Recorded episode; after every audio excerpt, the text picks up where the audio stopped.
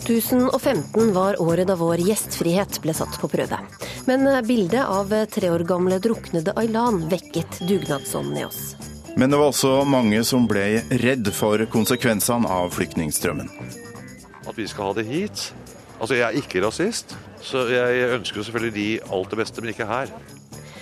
Terroren kom stadig nærmere i året som har gått. 2015 var også året da det ble flertall i kirka for å la homofile få gifte seg i kirka.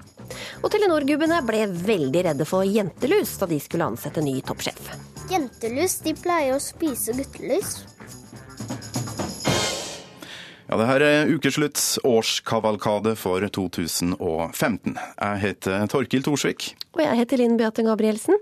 Vi skal minne deg på alt du trodde du hadde glemt om året 2015. De kom i skrøpelige gummibåter over Middelhavet, satt som sild i tønne i lastebiler uten ordentlig ventilasjon. Ungarerne bygde piggtrådgjerder langs grensa, og veldig mange døde på flukten fra krig, uten å nå drømmen om Europa. Og mens politikerne kranglet om hvordan vi best kunne hjelpe dem der, så kom de plutselig syklende i hopetall også over norskegrensa. Erling Olstad jobba på Siem Pilot, det norske skipet som ble satt inn for å berge båtflyktninger i Middelhavet.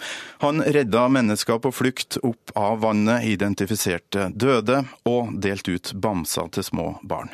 Barna da, de faller til ro. De begynner å leke med disse lekedyrene. og det er utrolig godt å se at en så liten ting kan glede de så mye. Og at de da opptrer som vanlige barn hjemme. og de er Heldigvis elever lever de her i nuet, og vi klarer å få gitt dem en så god stemning om bord som overhodet mulig. Men klart det gir inntrykk på oss alle sammen. ene dagen så, så vi at det var skrevet en tegning, eller skisse, med en tekst om bord på båten vår fra en, på, en som heter Mohammed. Og han takka for den støtten og den hjelpa han har fått om bord her.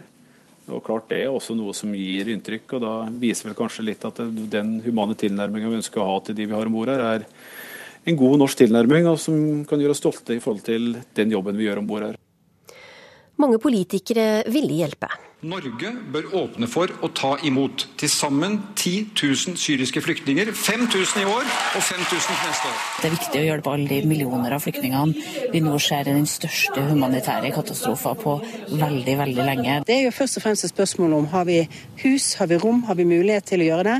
Men Siv Jensen ville ikke at kommunene skulle la seg presse til å ta imot de 8000 flyktningene Stortinget har vedtatt at de skal ta imot. Jeg har klargjort det som er Fremskrittspartiets standpunkt, nemlig at mottak av 10 000 kvoteflyktninger i en tid hvor det sitter over 5000 mennesker ubosatt i norske flyktningmottak, er krevende og en nær umulig oppgave for landets kommuner. Samtidig vet vi at vi kan hjelpe mange, mange ganger flere mennesker gjennom å øke innsatsen til hjelp i nærområdene. Adib Waez var den første mindreårige asylsøkeren som kom til Norge fra Syria etter at borgerkrigen starta. Han konfronterte FrPs Aina Stenersen da hun sto på stand under valget. Hvis man ser økonomisk på det, så er det utrolig mange flere mennesker som vi kan hjelpe i nærområdene, og som er i de områdene allerede. Det egentlig som skjer, at når vi Syria flytter eller går til Tyrkia f.eks., der får vi absolutt ikke noe hjelp. Så de har det nesten like dårlig om de er i Syria. Bortsett fra at de kommer til å Det er bare trygt, men de har det nesten like dårlig. Men så tenker jeg at Hvis Norge hadde sendt penger til nærområdene, så hadde vi et ansvar for at de pengene ble vel brukt. Så den grunnen til at dere skal ikke ta imot, er fordi Og dere vil integrere de som er allerede på mottaket, for at dere tar imot. Ja. Det var hovedgrunnen ja, til at det ja.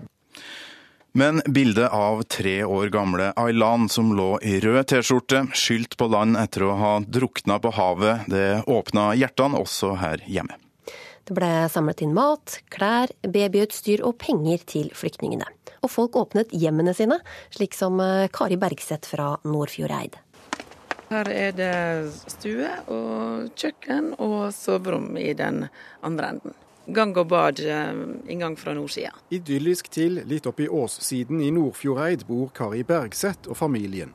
I et gult hus med flott uteplass og hage der frukttrærne snart blomstrer. Mange av oss kan være med på å trylle. Vi som eier bostader der vi ikke har bruk for hele sjøl.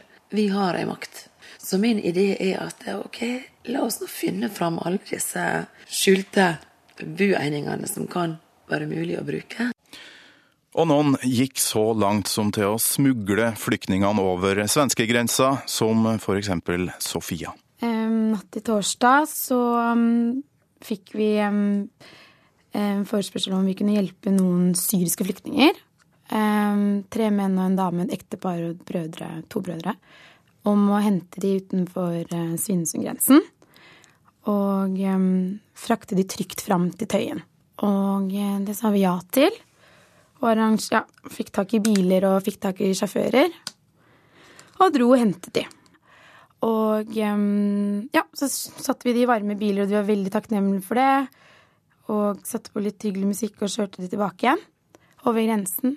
Så kjørte vi gjennom tollen.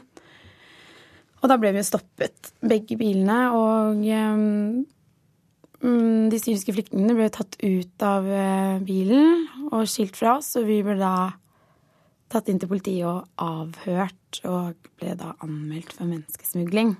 Eh, fordi vi hadde eh, kjørt mennesker uten lovlige papirer over grensa, da. Flyktningstrømmen har eh, også ført til større skepsis. Jeg syns vi skal ta vare på de vi har her, først og fremst. Jeg, og skaffe dem komme ut fra mottakene og sånt. De mange har bodd her i fem år. altså. At vi skal ha det hit? Altså, Jeg er ikke rasist. Ikke negativ. Jeg er veldig internasjonal. Så jeg ønsker selvfølgelig de alt det beste, men ikke her. Jeg syns det er fælt at det skal komme så mye. Jeg syns det, det, blir for mye. Jeg syns det er litt eh, skremmende det man hører, fordi at man, det virker som de har, at det ikke er kontroll. Mina Gjerde er fra Bolkesjø, ei bygd som har 40 innbyggere og skulle få asylmottak med over 600 flyktninger. Det er jo folk som har hatt det veldig vondt tidligere, og det forstår vi jo veldig godt. Ehm, så det er jo på en måte frykten for at det en dag kanskje kommer til å skje, skje noe. Da. De menneskene lever under psykisk stress hele tida, og, og du hører jo av og til at det er noen som som på en måte ikke takler det så bra, at det skjer eh, handlinger som ikke er så bra. Og når du da har veldig lang tid før både politi og brann og, og ambulanse kan komme, så skremmer det i hvert fall noen av barnefamiliene i bygda. Og det er jo når de flytter at vi ikke lenger har noe samfunn. Frisør Merete Hodne, medlem av organisasjonen Stopp islamiseringa av Norge, og ivrig nettdebattant, hun nekta å klippe folk med hijab i frisørsalongen sin. Eh, hvis det hadde kommet en person med, med nazisymbol på armen f.eks., eller Ku Klux Klan-drakt, så hadde jeg òg nekta dem å komme inn i salongen. Og jeg føler at, at mohammedisme det er faktisk eh, like gale som Ku Klux Klan. Mohammedanerne de vil utrydde alle som ikke er rett truende muslimer og derfor vil ikke du klippe dem? Jeg vil ikke klippe de som jeg føler eh, kan handle til den sida, at de støtter sharialover. Men så var det sånn at du fikk en kunde som kanskje ikke du hadde eh, venta. For Ann eh, Elin Aya Eilefsen, du dro til frisørsalongen til Merete Hodne. Du sa ikke at du var muslim, du hadde ikke på deg hijab, for det bruker ikke du. Du fikk din klipp, og du sa at dette møtet det var trivelig. Hvorfor gjorde du dette? Jeg hadde lyst til å se hva er det som ligger bak? Hvor, hvorfor, eh, hvorfor, er da jeg og mine likesinnede ikke ønsket? Og jeg var forberedt på alt. Og jeg grua meg, og jeg grua meg veldig for å ringe og bestille den timen. For jeg tenkte hvis at hun nå skjønner at jeg er muslim, eller et eller annet kanskje kjenner liksom navnet mitt, eller skjønner at jeg har en annen dialekt, hva skal jeg gjøre der? Men det gikk bra, og jeg syns det var hyggelig. Jeg kom inn fra regn og vind og inn i en varm og god salong og ble møtt av en dame med et veldig stort smil og ble veldig fin på håret. Merete Hodne, hvordan opplevde du dette her, her, eh, dette her møtet? Jeg syns det var kjempekoselig. Det var ei eh, flott og sprudlende dame med stor tro på seg sjøl, og virka som det var ei som gikk sine egne veier. Og jeg, eh, vet, jeg, husker ikke om jeg sa det til henne, men jeg tenkte iallfall det at dette er faktisk litt av det som gjør at jobben min er så spennende. Det er at du treffer så mange spennende folk. Hvor ble det av dugnadsånden, spurte far og advokat Kjetil Nilsen i Alta. Det var en lokal debatt om eh, innvandring blant noen folk fra Alta, så plutselig var det en som fyrte av en, eh, en kommentar om at det er vel ikke mange år til at eh, det bare står negere og fisker i Altaelva. Og Jeg er jo pappa til en fra Afrika, og som, som da vi har adoptert. Og den kommentaren der traff meg midt imellom gulvet.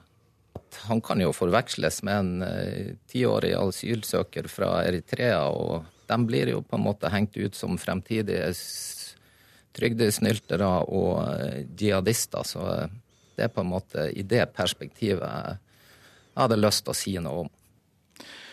Og mens flyktningene strømma inn til Europa sjøveien, så plaska de kongelige rundt i en treetasjes luksusyacht. Leia på to millioner kroner betalte de ikke ei krone av sjøl. Og mens alle spekulerte på hvem som hadde betalt for denne turen, ville ikke kronprins Haakon si hvem som hadde invitert dem med. Nei, Jeg har ikke lyst til å gå sånn mer i detalj på det. Men jeg syns jo at det Jeg hadde ikke tenkt å si så mye mer om det, egentlig, men når man begynner å spørre sånn hvem Altså, jeg tenker ikke på det sånn. Når vi er hos en venn, så tenker jeg ikke at uh, At det liksom er sånt at, han skylder oss noe, eller vi skylder han noe. Det er jo ikke sånn det fungerer. Så vi var på besøk noen dager.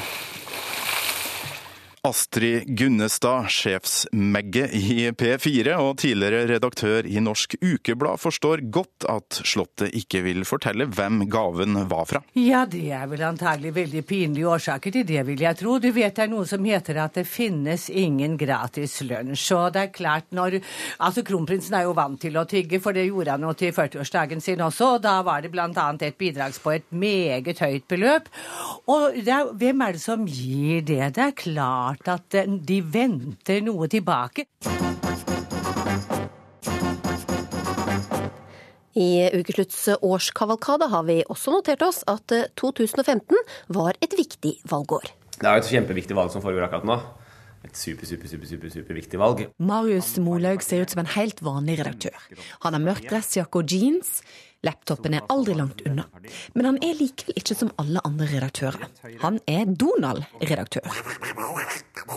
Det er det aller viktigste valget, og det er valget av ny ordfører i Andeby. La oss gjøre det hele litt mer realistisk. La oss ta en tur inn i en magisk verden du kanskje ikke har besøkt på en stund. Bli med Marius Molaug, mannen som kvakker, og ukeslutt til Andeby. Donald Duck kjører forbi i full fart med blå matrosdress og vind i fjæra. Og der går jammen det Mikke Mus også. Hei, hei alle sammen, og velkommen til Andeby! Man kan dra en del sånn likhetstrekk når det gjelder valgkampen i Andeby og valgkampen i Norge. I Andeby så er de også veldig opptatt av skattepolitikk. da. Og Da er det særlig én person liksom, som alle i Andeby er opptatt av, og det er jo onkel Skrue. Han, han, bestemmer jo veldig mye der, og han er svært, svært, svært opptatt av skatt. Uh, og alle politikerne danser jo rundt han. Ja, rikdom, skatt og pengebruk var selvsagt sentralt også i lokalvalgkampen i Oslo i høst. For Ap-politiker Geir Lippestad var innføring av eiendomsskatt viktig, og han mente daværende ordfører Fabian Stang styrte hovedstaden for de rike, den delen av befolkninga som har råd til båt. Jeg syns jo det å være på fjorden er helt fantastisk. Og eh, som jeg skrev i den kronikken, så er jeg jo helt enig med, med Fabian i at Oslo har et fantastisk miljø. Vi har fantastiske områder, og vi har det fantastisk godt. Men det er en forutsetning her, og det er at folk er like heldige som Fabian og det jeg er. Det er mange som ikke har det som oss, og jeg tenker at fokus for politikere må også, ikke bare også, bør helst være på de som trenger kommunens tjenester, og ikke de som er så heldige som oss. Fabian Stang, ordfører i Oslo. Har du feil folk i tankene når du, når du eh, deler ut ressursene i Oslo? Nei, det er klart, altså Grunnen til at jeg begynte i politikken eh, på heltid, var jo eh, interessen for å ta vare på de som sliter. Når det gjelder båten for øvrig, så er min båt vesentlig billigere enn den Stoltenberg fikk av Arbeiderpartiet, bare så det er sagt. Før vi krever inn mer skatter, så plikter vi politikere å sørge for å bruke de enorme ressursene vi allerede har til disposisjon, på en bedre måte. Og nå snakker Arbeiderpartiet om å ta inn eiendomsskatt, altså kreve inn 1 milliard til av Oslo-borgerne. Enda vi har 50 milliarder til disposisjon. Så de sier altså at skal vi overta butikken, så må vi ha 2% mer i inntekter, istedenfor å si vi skal klare å drive 5% bedre. Det er vår ambisjon på høyresiden, og da skal vi klare å skaffe 2,5 milliard til gode formål, istedenfor å kreve inn mer skatt. Det, vi har jo veldig mange fine kandidater. Eh, jeg vil Andidater, ja. Andidater. Vi har Grine Lei Grande fra partiet Kvakk og Ved. Sauedyn Klyspakken fra Sofasovernes venneparti.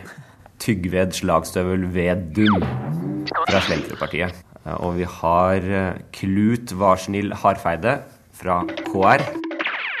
Også i den amerikanske kampen om presidentnominasjonene har det vært snakk om rike mennesker som har det godt.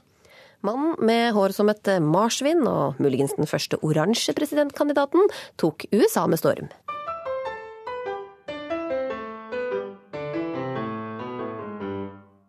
We need to build a wall. We need to keep illegals out. You've called women you don't like fat pigs. I don't think they like me very much. And I don't frankly have time for total political correctness. Det er jo som regel griser som stikker av med, med, seieren, da. Så det ligger kanskje mye der. I hvert fall Tradisjonelt sett så har det nok vært litt skittent, tror jeg. Eller svine, svinaktig. Donald er svinaktig populær i Andeby, men at en annen Donald, Donald Trump, skulle bli så populær i USA som han er blitt, det har skremt flere. En av dem er Liza Cooper i Democrats Abroad, partiet som kanskje må kjempe mot Trump i presidentvalgkampen neste høst. Jeg, jeg, jeg syns mannen har en skandale. Han leder i meningsmålene. Dette er virkelig litt skremmende. Han hadde null peiling. Han hadde null innhold. Og dette begynner å bli en vits som sann, eh, sannelig må republikanerne begynne å lure. Hvordan skal de komme bort fra dette? Hvordan skal de komme ut av dette? Du håper vel at det blir eh, Trump, kanskje? Hadde ikke det vært festlig? Bare tenk på Donald Trump eh, på, på verdens arena. Det, ja, men, men, men da Blitt lett USA match for dere? Ja, herregud. En så lett match at uh, vi kunne stilt med eh, who, whoever. Jeg kunne ha stilt mot han, og kanskje hadde en sjanse, altså. Det var hardere fronta også i årets kirkevalg her hjemme i Norge. Det ble et eh, valg for og imot at homofile skulle få gifte seg i kirken, på lik linje med heterofile. Skal man gjøre litt som ikke er lov, så er det jo allikevel ikke lov. Så da tok vi den helt ut. I ei stue i en klassisk bygård på Grünerløkka i Oslo ruller filmen fra Per Christian Amundrøds kirkebryllup over en 52 tommer stor TV. Kirka er fylt med blomster og stivpynta mennesker, og foran alterringen sitter Amundrød og mannen hans, begge i dress. Flott par. ja, flott. Kjempefint par. Prest Grete Hauge sitter sammen med Amundrød i sofaen og ser filmen for første gang. På skjermen er hun kledd i prestekjole med regnbuefarga bånd over skuldrene. Når det handler om det dypeste som fins mellom mennesker, og så skal man liksom drive med sånne spissfindigheter på åretur. Grete Hauge, som nå er pensjonist, inviterte dommeren til å stå foran alterringen mens hun sto innafor. Dermed gikk hun lenger enn andre opprørsprester, og fikk homobryllup til å se ut som heterobryllup. Det er ikke eh, legitimt. Øyvind Benestad i stiftelsen Mor, far, barn blir ikke overraska over å høre om prester som lar homofile gifte seg i kirka. Men det er ikke noen sanksjonsmuligheter. Altså, biskopen kan ta en prat med disse prestene og sånn, men eh, prestene behøver jo ikke å rette seg etter det. Så det er litt sånne lovløse tilstander. Dette har grunnleggende å gjøre med hva skal Kirken lære om ekteskapet, og hva skal Kirken lære om barns rett til sin egen mor og far. Det ble til slutt flertall i kirkemøtet for at homofile skal få gifte seg i kirka. Men så ville ikke Bioteknologirådet ha noe av at eh, homofile skulle få barn ved hjelp av surrogati. De ville gjøre det straffbart. Det var noe surrogatbarna, andreklassingene Anna og Nola, ikke syntes noe om. Det er litt dumt at man kanskje ikke kan gjøre det, fordi hvis man er to menn, så kan man ikke få barn hvis man har lyst. De to jentene, en lyshåret og en mørkhåret, ser pappa på TV. Han diskuterer om surrogati bør bli straffbart. med Bioteknologirådet. Når det gjelder dette med altså, å gjøre det straffbart, så er jeg ganske overrasket over at de har kommet fram til en sånn konklusjon. Skjønner dere noe av det her? Eh, kanskje litt. Hva handler dette om, da? Surrogati. Hva er surrogati, da? At noen andre føder liksom for deg, på en måte. Og pappa, det er skuespiller Geir Kvarme, kjent fra teater, Julie Blåfjell og Fredrikssons Fabrikk, blant annet. Jeg blir så forbanna når jeg sitter og ser på han uh, Bakken. Altså. Ja? ja, hvorfor blir du forbanna? Nei, Jeg blir forbanna nå når jeg ser det. Nå, når jeg liksom får det sånn på avstand, så syns jeg han har utrolig dårlige argumenter. Vi, vi bidrar inn i samfunnet med to verdensborgere som hvis alt går etter planen, så kommer de til å være eh, et bidrag til bruttonasjonalprodukt i Norge. Det er, eh, jeg syns det er en fin ting å være med på. Vi bygger samfunnet. Vi er ikke kriminelle. Kriminelle de bygger ikke samfunnet. De river ned samfunnet.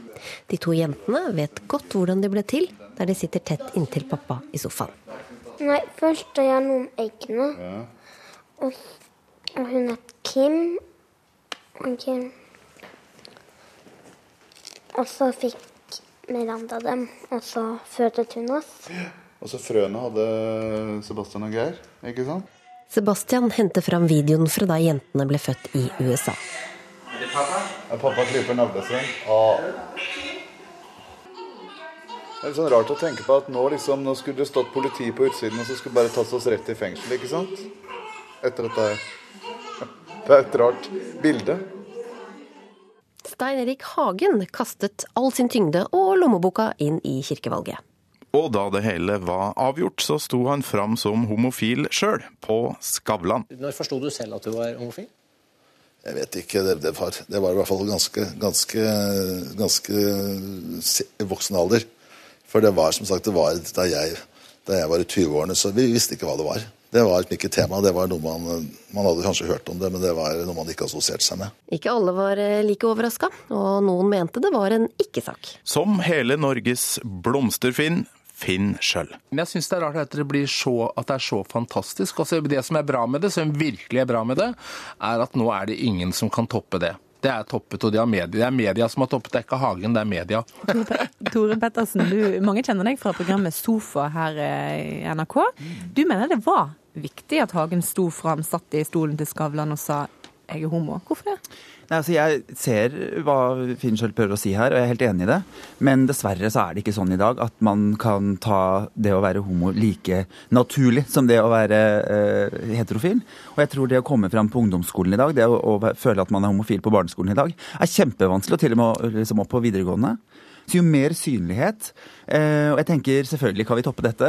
Jeg håper jo Drillo eller vet ikke et eller annet kan, kan komme ut og liksom toppe det. Vi trenger en idrettsperson da, men, men, det er noe med å bare få det opp og få det opp. Og jo mer vi snakker om det, jo mer folk blir vant til å se det, jo mindre skummelt blir det.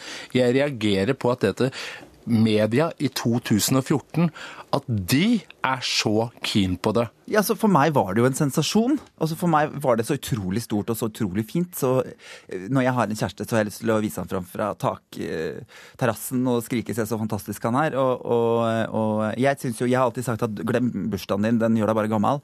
Eh, men feir den dagen du kom frem som homo, for det er en viktig og fin dag. For meg er det så milepæl. da. tjener en fabelaktig låt. Hvilken låt bør vi spille til han, Tore Pettersen? Du, jeg, jeg tenkte det hadde vært innmari fint med Diana Ross og låta 'I'm Coming Out'. Jeg husker jeg sto, jeg var 16 år gammel og skulle gå i min første homoparade, og da spilte de den på Jernbanetorget. Og jeg, har aldri vært så stolt av å være meg sjøl og være annerledes og bare så lyse at nå blir livet spennende og gøy.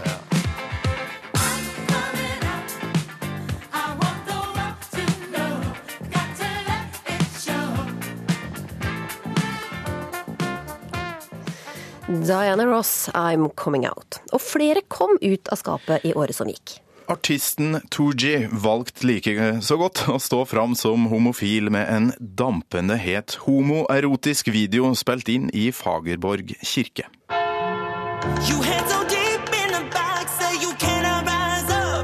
Provokasjon i kunstform er ofte det som når ut til ganske mange flere mennesker. For meg er ikke dette provoserende. Dette her viser kjærlighet mellom to menn og viser en veldig vakker historie som viser at homofili er også hellig. Jeg syns ikke det går an å drive sånn. Nei, Hvorfor ikke? Nei, fordi at jeg sier Kirken er et hellig sted, og det har ikke noe med, med sånne unge, moderne sexorienterte mennesker. Men han mener at uh, kirka gjør det vanskelig for homofile å, å, å stå fram. Homofilitet å gjøre, det er bare det går ikke an å ha, ha en sånn opptak inni en kirke. Den er jo ganske grafisk. Det setter jo uh, religion og homofili på agendaen. Og det er noe jeg syns er bra. Trengte kirken det sparket der? Ja, det tror jeg. Det er så trist at alltid de kjekkeste gutta, de er homo. Bare rett og slett veltet ut av skapet i Frogner kirke. Stylist Erlend Elias mente Tooji tvert imot satte homokampen tilbake.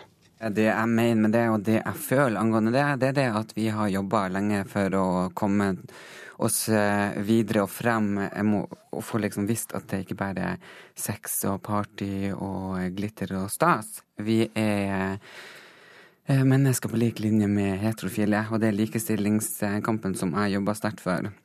At vi skal bli likestilt med heterofile, eh, som jeg føler går tilbake nå. Tooji selv hadde ikke anledning til å delta, men det hadde du, nestleder i LLH, Landsforeningen for lesbiske, homofile, bifile og transpersoner, Brita Møystad. Du er ganske begeistra for videoen og ville lagd samme video dersom du hadde hatt like fin kropp som Tooji? ja, hadde jeg hatt samme kropp som Tooji, hadde jeg gått naken hele tiden. Den var jo spektakulær. Det er uh, to ting, to setninger som egentlig plager meg dypt og inderlig. Det er den setningen som sier at det, ja, det er homofili, og det handler bare om kjærlighet. Og så er det heterofile som sier eh, 'jeg bryr meg ikke om hva du gjør på soverommet'. Man kan ikke skille mellom disse to tingene, fordi eh, mitt behov for å vise min kjærlighet er jo minst like fysisk som enhver en annen heteroperson. Ja, men du viser kjærlighet, ikke eh, sex. Hæ? Du kan vise kjærlighet, men ikke sex. Nei, men Dette er jo ikke sex, Erlend. Dette er jo, jo erotikk, dette er lidenskap, dette er begjær. Dette er en av de mest grunnleggende driftene som vi mennesker har. Og hvis Tooji eh, som homse må undertrykke den fordi at det, eh, du eh, og andre som minoritetsstresser eh, eh, rundt sin egen legning, eh, og, og heteroer syns at dette er vanskelig, så er det veldig synd. Men han skal ikke under noen omstendighet måtte dempe sitt altså, sitt uttrykk for begjær eller lyst. Det, det er en del av kjærligheten. Dempe, det er ingen som skal dempe sitt behov for for begjær og bla, bla, bla i det hele tatt. Men det handler da virkelig ikke om å ha sex i kirke, for da har du et begjær som er Antydet sex. Ja, men da er det i hvert fall som Hvis du kommer hjem til meg, i mitt hus, så kler du av deg skoen. For der er det mine regler som gjelder. Går du inn i kirka, så respekterer du kirka sine regler. I Guds hus. Ukeslutt mimrer videre om året som er gått. Geir Lundestad langet ut mot Nobelkomiteen og Jagland i sin bok 'Fredens sekretær'. Det ble et verbalt slagsmål dyreverdenen verdig, ifølge zoolog Petter Bøckmann. Hadde disse herre vært la oss si, gorillaer eller, eller bavianer, eller sånn, så hadde de gjort det som alfaene flest. Stått på hver sin haug og dunka seg på brystet og laget rare lyder. Det ble krise i oljeindustrien. Mange mista trygge jobber, og et helt nytt ord trengte seg på. Det grønne skiftet. Og den eh, litt dvaske pappakroppen ble plutselig fin og attraktiv. Én eller to øl på kvelden er et symbol på at man eh, koser seg. 2015 var også et år da terroren rykka nærmere. Og det var det året politiet var midlertidig bevæpnet hele året. Tolv ble drept da terrorister angrep satiremagasinet Charlie Hebdo i Paris. Utenfor kontoret til Charlie Hebdo kjører ambulansene fra åstedet. Aron Almon bor i denne gata og så hva som skjedde. Jeg gikk mot oppgangen min da en politimann ropte at jeg måtte komme meg vekk. Jeg hørte skudd, og så så jeg at det løp tre menn med våpen motsatt vei. Så gjemte jeg meg i oppgangen.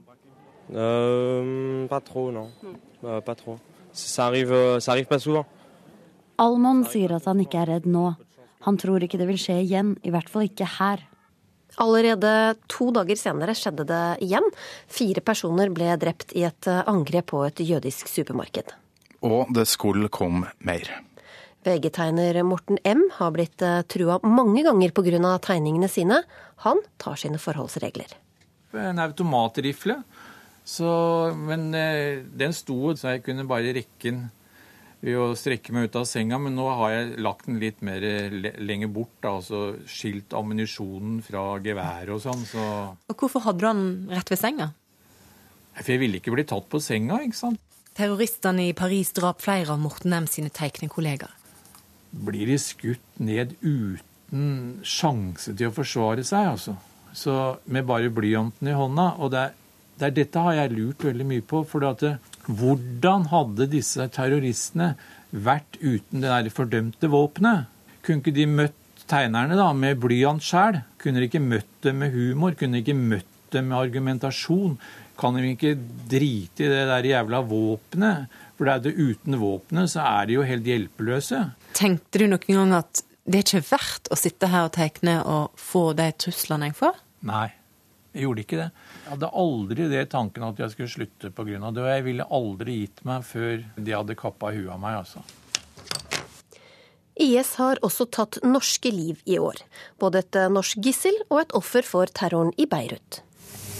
Det freser fra frityren, men alt er ikke som vanlig på San Remo grill på Torshov i Oslo. På innsida av døra blir en møtt av blomsterbuketter og tente lys rundt et bilde av en mørkhåra mann. Han ser jo litt ut som en sånn actionhelt. ja. Selv om det var lang kø, så hadde han på en måte full kontroll. og så jeg tenker at de fleste som har vært innom her et par ganger, vil nok ha lagt merke til ham. Gina Lende er en av kundene som har kommet med blomster til minne om Bilal Hamoud. At 37-åringen ble drept i bombeangrepet i Beirut torsdag forrige uke, har ikke fått mye oppmerksomhet i Norge. Lende oppdaga dødsfallet ved en tilfeldighet. Jeg satt og bladde i en avis på søndag, og så så jeg jo da overskriften med at at det var en nordmann som var blitt drept. Og så så jeg det bildet. Så tenkte jeg som en gang det bildet, han mannen kjenner jeg jo. Ja, og det satte seg i magen. Det gjorde det. Hvil i fred. Våre tanker og bønner går til deg og dine familier. Diyar er kommet fram fra disken og leser et av de mange kortene til minne om Bilal. Tilfeldighetene ville det slik at Diyars kollega og venn oppsøkte Beiruts travleste handlegater på vei til flyplassen. Fire timer før flyet skulle frakte han hjem til Norge, sprengte en selvmordsbomber seg i lufta. Bilal var blant de 44 som ble drept. Hva han har gjort?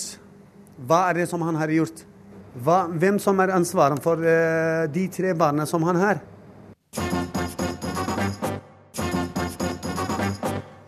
Det har vært mye styr i Nobelkomiteen i år. Først ble Torbjørn Jagland degradert fra leder til helt vanlig medlem av komiteen. Klovnen ut av komiteen, gudskjelov, var kommentaren på Twitter. Da fikk Jøglands storesøster Kari Jøgland Berntsen nok. Jeg syns det var et hva skal jeg si for noe, et veldig stygt ord å bruke. At man liksom personaliserer personen som en klovn. Det syns jeg var så utrolig stygt. Og når det kom derfra det kom, så må jeg si det gjorde virkelig noe med meg. Så kom boka alle frykta, 'Fredens sekretær', hvor Nobelkomiteens mangeårige sekretær Geir Lundestad sa sin ærlige mening om komiteen. Særlig Torbjørn Jagland fikk gjennomgå. Jeg skriver at han hadde betydelige kunnskaper om internasjonal politikk, men at det var hull i dem. Jeg forsvarer til og med hans engelsk, som vi jo fikk masse reaksjoner på. Den var helt adekvat. Litt av et karakterdrap! Nei, er, jeg, Av hensyn til komiteens integritet og virke fremover, så vil ikke jeg gå no, inn på noe av det som her eh, fremkommer. Det er en veldig spesiell komité eh, jeg sitter i, og vi er nødt til å ha tillit til hverandre. Zoolog Petter Bøckmann mente Jøgland og Lundestad oppførte seg som ja, aper. To store hanner som begge to må kunne sies å være på toppen av sin karriere og litt mektige og litt under seg. Det er det vi kaller for alfahanner i dyreriket. Så hadde disse herrer vært la oss si gorillaer eller, eller bavianer, eller sånn, så hadde de gjort det som alfahanner flest. Stått på hver sin haug og dunka seg på brystet og laget rare lyder.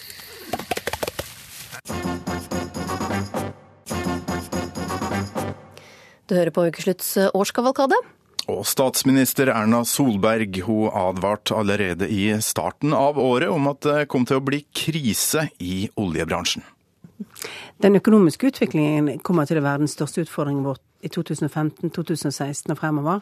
Vi er inne i en omstilling, og den kom raskere enn det mange av oss tenkte den skulle gjøre. Vi visste den kom, vi burde vært bedre forberedt. Det dreier seg om både overgangen med lavere aktivitet i oljesektoren, som kommer til å gi mindre stimulans inn i norsk økonomi. Det er behovet for å gjøre norsk økonomi grønnere. I september hadde Nav mottatt varsler om til sammen 25 000 oppsigelser og permitteringer i alle bransjer. En av dem som ble permittert fra ingeniørjobben, var Odd Arild Hein.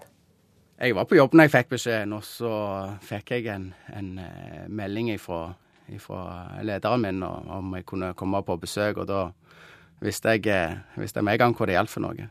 Jeg ble, jeg, kjente, jeg ble veldig anspent og kjente temperamentet steig et par hakk, ja. Det, det kjente jeg. Hein har vært eh, permittert siden i våres og har fortsatt ikke noe jobbtilbud. Det har ikke lært meg at jeg ikke skal sette meg ned, at jeg må hele veien sette opp et program for, for dagen, sånn at jeg ikke blir sittende stille. Eh, at jeg har noe å gjøre på, så, så, og, og se framover. Enkelte mista jobben sin i år, mens andre fikk ny jobb. Vi har fått en ripe i lakken eh, i vårt omdømme. Folk stiller spørsmålstegn med Telenors verdier. De stiller spørsmålstegn med kan vi liksom stole på Telenor. Det ble langt fra late dager for eh, Telenors nye konsernsjef Sigve Brekke. Ja, Brekkes julekalender ble et mareritt. Hver dag ble en ny luke åpna, som satt ansettelsesprosessen i et stadig mindre flatterende lys.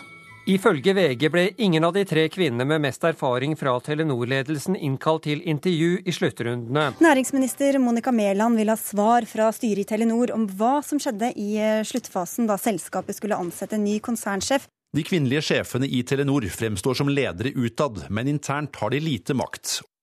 CV-juksing, få kvinner i toppjobber, korrupsjonsskandale i VimpelCom. Og var det egentlig noen kvinner med helt til slutt i prosessen med å finne en ny toppleder? Ja, mente den avgåtte styrelederen i Telenor, Svein Aaser, men kvinnene de kom til kort. Nei, Det var fordi at vi måtte legge på en ekstra dimensjon, som betød den internasjonale ledererfaringen. Og det å være, en, være vant til å jobbe med kultur og forskjellige mennesker i forskjellige land, det var avgjørende til sist. Hodejeger Trine Larsen mente Telenor har et kvinneproblem. Det vi ser i dag, det er jo at gubber rekrutterer gubber. Eh, all forskning viser at eh, argumentasjonen som blir brukt om at det ikke finnes kvalifiserte kvinner eller kvinner som ikke vil, det er jo feil. Så kanskje er Telenor redd for jentelus? Jentelus de pleier å spise guttelus. Guttelus og jentelus er jo helt like, nesten bare at jentelusene er jenter og guttelusene er gutter. Og så er guttelusene litt snillere enn jentelus. Men eh, mannsbastionen Telenor får kraftig konkurranse fra NRKs egen mannsbastion. Reporter Kari Li tok seg en tur i NRK-kantina. Telenor er jo bare lekegrinda i forhold til dette her. Det strenge regimet her.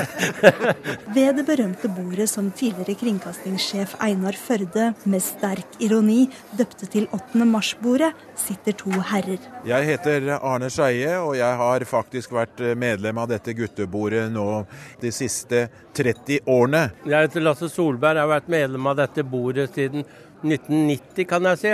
Solberg og Skeie tar verken seg selv eller anklagene om gutteklubb særlig høytidelig. Men det går altså rykter om at de fleipete mannfolka foran meg kan være nokså brutale mot kolleger. Toppunktet var jo eh, tiden med Pål Bang-Hansen som kasta folk bort fra bordet. Det ble jo snakket om dette overalt, at dette var guttebordet. Og her eh, satt gjengen og, og diskuterte. Hva diskuterte vi, Lasse? Vi diskuterte fotball og programmer.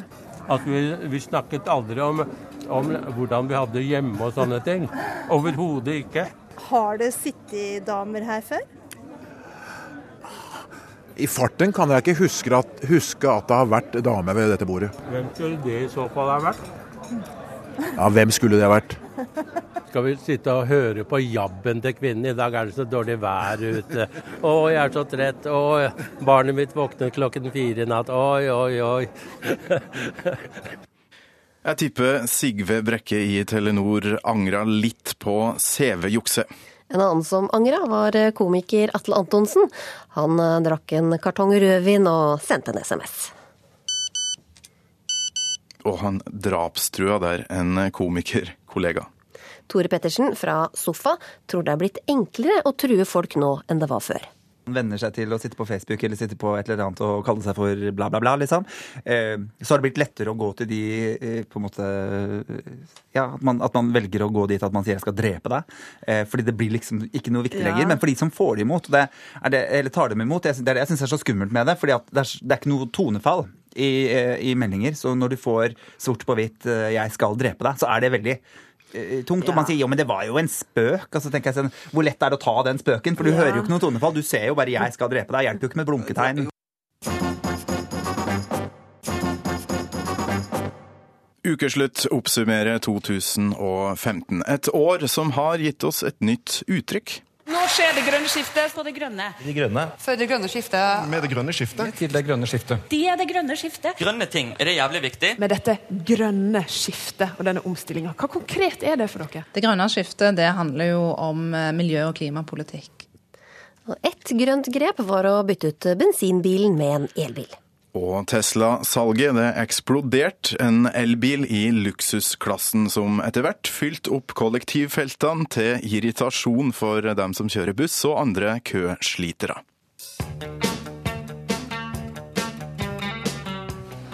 Nå skal jeg vise deg en av grunnene til at jeg elsker denne bilen. Jeg er spent. Du er spent. Du har sikkert hørt at de har mye krefter. Oh, shit. Det var 420 hester i full sving eh, fra en børsteløs eh, elmotor. Det var huet klistra til setet her, altså. Torvald Seby er kanskje ikke det du forbinder med en Tesla-eier. Han er bondesønn fra Enebakk. Og det var ikke først og fremst fordi at jeg skulle være miljøvennlig. Det var først og fremst fordi at denne bilen er så bra. På Facebook liker 13 000 personer gruppa for de som hater elbiler, eller eh, forvokste radiobiler, som de kaller det. Blant eh, haterne er andre sportsbileiere som blir provosert av Tesla-eiere som vil kappkjøre. Må jeg si at Det er litt gøy å kunne stå på rødt lys med med full bil eh, på vei til Trysil med skiboks på taket, og så akselerere fra eh, en sportsbil, en Ferrari eller Porsche. Hva slags bil er det? Det er Porsche.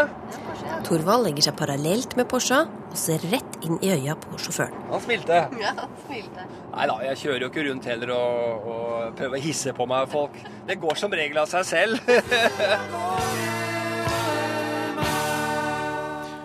Verdens helseorganisasjon ba oss i år om å kutte ned på kjøttet. Så da forsøkte vi i Ukeslutt å overbevise baconelsker Kristoffer Sjuve om at vegansk bacon er like godt. Du skal lage egg og bacon uten egg eh, eller bacon, egentlig? ja. Er det det du har tenkt til? Ja, det var det som var utfordringen. Så jeg bare tenkte OK, jeg får ta utfordringen og lage kikertomelett mm. med ostebiter og baconterninger. Nei, jeg mener faken-terninger. Tofu-bacon, kan vi si. Jane driver matbloggen Veganmisjonen med oppskrifter helt uten kjøtt, fisk, egg eller melk. Hvordan syns du ser den innbydende ut? Nei, det syns jeg ikke. Det, for det er jo det der. Det er en hvit kloss. Det ser jo helt krise ut. Skal jeg, kan jeg bare, skal jeg bare mm. gyve løs? Hva syns du? Det var veldig mye bedre enn det var i utgangspunktet, kan jeg si. Altså, du, du, du, lurer ikke meg, for det er ikke bacon. Nei, jeg skjønner. Du, du er jo veldig baconekspert, så Det er ikke bacon, men det, det, Men er det godt? Det er ikke vondt, altså. Det er ikke vondt.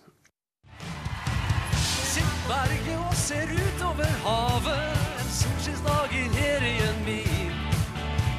I sommer skal det var delte meninger om eh, forfatter og kunstner Ari Behns innsats som sanger og programleder i TV 2-programmet Allsang på grensen i sommer. Det fins virkelig ingen steder å gjemme seg når Ari Behn holder på, mente én tvitrer, mens en annen mente han var tøff som ikke bryr seg om janteloven. Ukeslutt invitert sanger, låtskriver, dommer og mentor i musikkprogrammet The Voice, Hanne Sørvåg, til å gi en ekspertvurdering av Ari Behns tolkning av Maroon 5-låta 'Moves Like Jagger'. If right, and then for my heart. Jeg syns òg han er veldig modig. Utrolig kul når han kommer ut sånn der med overbevisning og kjører på. Det er veldig gøy. Underholdningsverdien er jo upåklagelig i dette. Roll, so waited, put on a show. Now I'm en ting han har som er veldig fint, som kommer litt, eh, litt etter hvert, det er en, en litt sånn hes eh, tone i stemmen når han synger litt mer forsiktig. Og den, eh, den syns jeg er rett og slett dritfin. Take me by the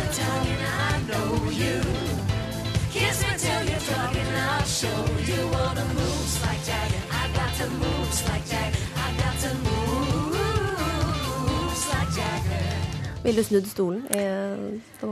Jeg ville nok ikke snudd stolen, og det handler om stemmekontrollen. Det er jo det som er når vi sitter med ryggen til, så får man jo ikke med seg det der intensiteten i denne opptredenen der han har sånn energi og er så kul å se på, og bare kjører bånn gass. Så det hjelper liksom ikke. Like Jagger.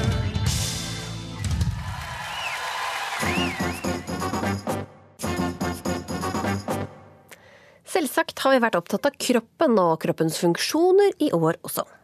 Jenterussen de lagde russelåta som oppfordra medjenter til å være hora og til å drikke seg så full at de blir villig.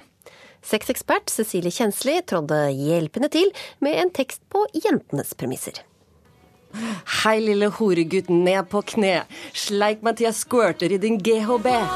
Du kan bare slappe av, jeg skal ikke røre lille tassen. Bend over, pappa, gutt, du får en plugg i rassen. Ukentlig legger kvinner underlivet sitt under kniven, helt frivillig, for å fikse på kjønnsleppene eller fettsuge Venusberget. Da tok spaltist i Bergensavisen Chris Tvedt bladet fra munnen og sa Aldri har jeg sett et kvinnelig kjønnsorgan jeg ikke har likt. Eh, Jeg tenkte at det kunne være greit at noen sa det som ikke var lege eller psykolog eller kvinne eller feminist. Tenkte det rett og slett kunne være greit å få høre det også fra noen som bare var mann. Og som har sett en del eksemplarer. Eh, Noen. Jeg begynner jo å bli en ganske voksen mann. Stefan MS, du er eh, plastikkirurg og opererer rundt eh, 60 underliv i, i året. Presenterer dere en norm her som er litt for eh, trang? Nei, ikke i det hele tatt. Det fins ingen normale og unormale underliv. Men det fins underliv som etter alminnelig oppfatning ser penere ut enn andre. Det kommer en dame som har langt uh, framhengende indre kjønnslepper og si altså jeg liker absolutt ikke hvordan de ser ut. Jeg liker ikke å vise meg foran seksualpartneren min. Jeg liker ikke å gå i offentlige dusjanlegg pga. dette.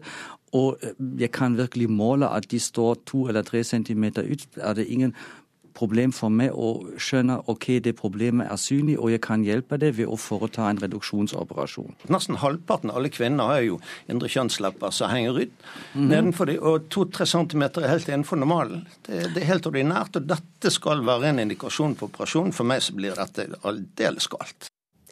I 2015 har vi trent og trent. Og konkurrert og konkurrert. Mens Ap-leder Jonas Gahr Støre peste seg gjennom Birken, tok helseminister Bent Høide i langt roligere tempo med tjukkasgjengen i Moss. Høie mente at Støre gjør det vanskeligere for folk å komme seg opp av sofaen. Det er viktig at vi ikke skaper et inntrykk av at det er den type innsats som må til for å ta vare på helsen sin. Jeg mener at eh, litt av utfordringen i eh, debatten om folkehelse er at en eh, har hatt for mye pekefinger, at en gjerne har skapt inntrykk av at det er så mye innsats som skal ned, både en fysisk aktivitet, men òg at en liksom må legge totalt om kostholdet sitt. Jeg mener at vi må få fram at litt er nok. Det å gå en eh, hverdagstur eh, er viktig. og Derfor så mener jeg, satt på spissen, at eh, Tjukkasgjengen er viktigere for folkehelsen enn Birkebeinerne. Det å gå Birken er langt ambisiøst, da, Støre. Setter du ikke terskelen for mosjon veldig høyt? Jo, men altså, la meg si at Her bruker helseministeren et skirenn som noen tusen mennesker går, som et påskudd til å snakke om masse folkehelseting som vi er veldig enige om i Norge. Eh, og så prøver han å si at man må ikke skape inntrykk av at dette er eneste veien til folkehelse. Hvem er det som har sagt det? Jeg har ikke hørt noen som har sagt det. Noen ganger kan skuffelsen bli stor til tross for iherdig innsats. Nei, Det var litt traumatisk. Det var en stor stor skuffelse. Jeg bruker jo store deler av mitt liv og hele året på å trene nettopp for å oppnå en god, god tid i ett enkelt skirenn, nemlig Marcialongaen. Og jeg syns jeg oppnådde en grei tid. Og da jeg da åpner eh, DN på vei hjem fra Italia, så ser jeg at jeg da blir eh, publisert med en helt annen og mye dårligere tid. Det var en enorm skuffelse. Hva gjorde du da? Nei, det første, jeg ble, det første jeg ble veldig indignert, da. Det var min første reaksjon. Og så tenkte jeg som så at dette skal jeg prøve å rydde opp i. Og så tenkte jeg som så at nå må jeg bare skrive et innlegg om dette her. Og det var det jeg gjorde. Du måtte eh, sørge for at alle fikk vite den riktige tiden, rett og slett. Selvsagt. eh, Dette er et viktig utstillingsvindu i min verden, og derfor var det viktig for meg å rette opp den feil tiden. For ellers hadde det nå gått neste året uten at jeg hadde kunnet eh, få markedsføre riktig tid. Og blir det for slitsomt med alt kroppspresset, så er det godt å trøste seg med at pappakroppen ble hot i år. Pappa Martin Grevstad slo et slag for pappakroppen og tok et bilde av seg selv mens han støvsugde i underbuksa. Eh, Jeg eh, lever et, et eh, vanlig familieliv med tre barn. Hektisk hverdag. Spiller fotball i tillegg, så jeg trener kanskje et par ganger i uka. Men har ikke lagt ned de siste 20 prosentene for å kanskje få den sixpacken og Birken-kroppen, da. Livsstilsveileder og blogger Helle Bornstein. Er pappakroppen eh, attraktiv for deg? For meg så er jo en attraktiv eh, kropp en kropp som har eh, god helse. Når jeg leste dette først, så begynte jeg å le litt. Ja, så tenkte jeg det var litt morsomt da hele opplegget, egentlig. Og så slo det meg OK, hva er det egentlig vi sier til menn her? Jo, vi sier at bare vær så runde dere vil, dere. Bare drikk øl. Så egentlig så tar vi jo fra dem ansvaret for å ta vare på egen helse, og det er vel ikke så veldig gunstig verken for mann, familie eller barn. Og i tillegg så sitter vi kvinner igjen ja, med alle disse søkene på mammakroppen, som man sier. Det er en veldig skjev fordeling. Eh, Og vi sitter jo igjen med kroppspresset. Kan du ofre ølen, Martin? Én eller to øl på kvelden er et symbol på at man eh, koser seg. Jeg tror ikke problemet er at vi nordmenn ikke koser oss. Er det noe vi er gode på, så er det å kose oss. Vi gjør jo det veldig mye, så det må vi gjerne fortsette med å gjøre. Men vi må slutte å tro at vi er i god form. Det vet vi at vi ikke er. Dette året og ukeslutts kavalkade er snart over. Kanskje er du en av dem som har fråtsa i billig julemat denne jula. Hva grisen synes om å nærmest bli gitt bort av de store butikkjedene, det vet ikke vi. Men eh, før jul var det flere som reagerte på at maten var for billig. Ja, Hvor blir det egentlig av etikken i den store matkrigen mellom dagligvarekjedene? Det er spurt Nina Sundquist, administrerende direktør i Matmerk, en organisasjon som sørger for mangfold, kvalitet og verdiskaping i norsk matproduksjon. Hun møtte Rema-sjef Ole Robert Reitan til debatt her i Ukeslutt. Vi kaster altfor mye mat. Så nå får vi liksom tre pakker surkål og en stor boks pepperkake og mer marsipan enn vi klarer å spise til en krone pakka. Så da tenker jeg, hvor blir det av etikken til butikkene? Er det greit å kjøpe for mye og kaste mat bare den er billig nok? Nå har jeg vært så mange ganger i dette huset og fått kjeft for at maten er for dyr, og nå sitter vi her plutselig og snakker om at den er for billig. Hvor lite vil du at jeg skal prise norsk matkultur, da, Reitan? Og når den bonden da, som produserer rødkål, er stolt nok til å, av produktet sitt til å sette ansiktet sitt på pakken, så er det jo fordi at han har gjort en formidabel jobb i seks måneder. Ikke sant? Men det er, Og- og- nettopp, og- eh, ja. her, det er jo nettopp derfor det blir konkurranse på akkurat de her produktene, fordi det er produkter som det norske folk er veldig glad i og har veldig lyst på og mest opptatt av. Ja, men du- men da- nettopp derfor så blir konkurransen hardest på de produktene. Ja, du- og så er det du- faktisk sånn, jeg tror jeg da, at bonden er jo veldig glad for å selge mye mat. Og det som skjer i år, er i hvert fall at bonden selger mye mer mat enn noen gang før. Vi selger- du, se, i Ole Østfold, Robert- bare vent, la meg gjøre ferdig. I Østfold i år så har vi en vekst som vi ikke har sett på mange, mange år, fordi østfoldinger lar være å kjøre over grensa, men handler på Rema 1000 i sitt lokalmarked. Det er bra for norske bønder. Da selger vi mer kål, og vi selger mer eh, svineribbe. Og det er butikken som tar tapet, så bonden tjener mer penger i år enn i fjor. Det å kunne spare på maten gjør at det blir mer til andre ting, og det går ikke utover den norske bonden. Du har nå hørt Ukeslutts årskavalkade, Mitt navn er Torkil Thorsvik. og jeg heter Linn Beate Gabrielsen. Ha en riktig god jul og et godt nytt år.